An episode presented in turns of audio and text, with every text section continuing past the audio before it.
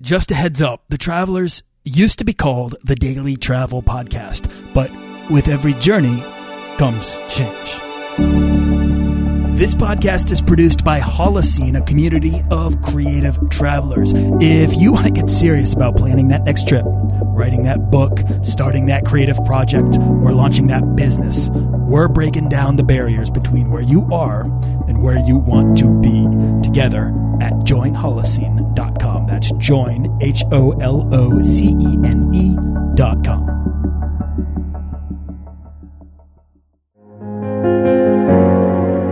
Hey, what's up, everyone? I'm Nathaniel, and this is a daily travel podcast update. I want to introduce this solo format to the show on a regular basis, perhaps every week. We'll see.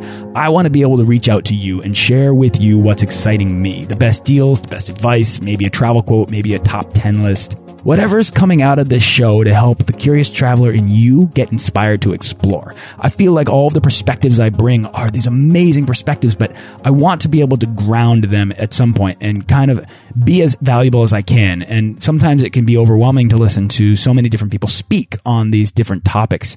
So I just want to every once in a while touch base to kind of right the ship and move it in the right direction. And that direction, I hope, is just inspiring you to become an explorer of an amazing world. I want the daily travel podcast updates to be your espresso shots of travel intel, deals, hacks for the curious traveler in you. I also want to explore the opportunity to elevate the discourse around travel, okay, by heightening the perception of why it's valuable to the individual and society. I really believe travel matters, and I want to explore why. There are a lot of reasons why travel is not just wonderful, but to be traveled is important. And I want to shine a light on those every once in a while. Now we'll cover how to explore amazing places, travel hacks to get you anywhere for as close to free as possible, and what I'm calling pilgrimages that you can take to learn and grow around something that already interests you. So let's say you want to travel, but you're not sure where. Maybe you like beer. Well, let's explore a pilgrimage to the monasteries of Belgium and the beer regions of Germany. We'll also feature roundups from our amazing guests on their best travel advice and inspiration. Uh, there's a lot of that to help you take the leap into the great unknown. If you're listening or you listen regularly, please reach out and say hi. I, I want to meet you. I honestly do. The best part about putting this podcast on has been meeting so many amazing people, people I never would have connected with had I not taken the first step to explore this topic in this way. So if you can hear me, say hi on Twitter, email me, leave a comment on the website, go to facebook.com slash daily travel show and, and reach out. I'd absolutely love to hear from you. On this episode, I just want to say thank you. Thank you for listening. Thank you for subscribing and leaving a review on iTunes. I'm thrilled to have you as a founding member of a community of explorers, right? So for the past three weeks, from today that I'm recording this, we've been the number one ranked show on iTunes travel. I've had tens of thousands of downloads in over 50 countries, which is just incredible to me. Uh, I've had thank you notes coming in from people across the US and on the other side of the planet, and even had people listening in places like Togo. I don't know anything about Togo except for where it is. But if you're listening and you'd like to come on the show, if you're listening in Togo and you want to chat about why it's amazing, reach out because I would love to have you on all of this is really inspiring to me. So thank you. On a personal note, all within the past month, I've also had a baby girl and moved into a new home. So it's been a real adventure. I'm actually only out in this new home for the rest of the summer, and then I'm not sure where we're going to go next. But you know, it's there's a lot going on, and uh, as a result, I know all of the success of this show has been from you because I haven't had any time to do any promotion. So again, thank you. Special shout out to uh, a listener named Gina who wrote a review for me. And it goes, this is crazy. It goes, for someone who is on the verge of searching for their personal legend, voluntarily making changes, living off of art, chance, and guts. This podcast came just in time. It's The Alchemist brought to life. The resources are boss. Some of the interviews thus far are mint. There's no more excuses. Forget the doubt. Listen, dream big, be open to the advice and ideas, and then follow your feet out of your comfort zone and into something that will positively and permanently be imprinted in you for the rest of your life.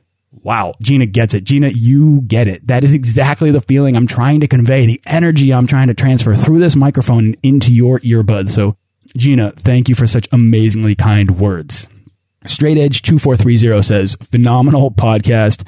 This is an excellent podcast that draws on real life experiences of real life people and welcomes you into their world to see how cost effective and practical travel can be. And Straight Edge, thank you for that because while I want this show to be an ecstatic rhapsody about travel, I'm also trying to find the balance between inspiration and pragmatic, actionable travel advice. It's not easy to do, but I, I think I'm getting better. With all of you listening, I'm humbled, but I'd love to hear from you. Why are you listening? What do you love? What would you like to hear about? I want the show to get better for you. I want it to help you more. So please, you know, again, let me know how I can help by emailing me directly at nathaniel at dailytravelpodcast.com or you can hit me up on Twitter at Daily Travel Show, or just leave a comment on any of the show notes and I will reach out to you. There's a book called The Wandering Brain that talks about scrambling the self temporarily so that the world can seep in. And nothing is going to do this more effectively than meaningful travel. We have a responsibility, a duty, as, as my guests have called it, to become a traveled people. And I want to nudge us towards that in whatever way this show might be able to. If you're listening and are already a part of a well-traveled society, or maybe you live somewhere without the means, then you know maybe you'll you'll love the stories that come on the show, or or maybe you'd like to come on the show yourself and share your perspective. I would love to have it here. I really would.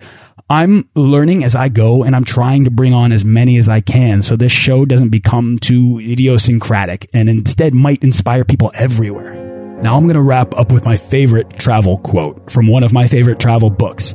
It's by Michael Crichton from his book Travels, and it goes, Often I feel I go to some distant region of the world to be reminded of who I really am. There's no mystery about why this should be so. Stripped of your ordinary surroundings, your friends, your daily routines, your refrigerator full of your food, your closet full of your clothes, with all of this taken away, you are forced into direct experience. And such direct experience inevitably makes you aware of who it is that is having the experience. And that's not always comfortable, but it is always invigorating. I love that quote. This life is your legend. It's your masterpiece waiting to be written. And you don't need to create anything but more life to live a legendary existence. If you believe, life will begin at the edge of your comfort zone. Turn your narrative into the narrative, and the ripples you leave in your wake will be used to chart the course for those who follow you in time.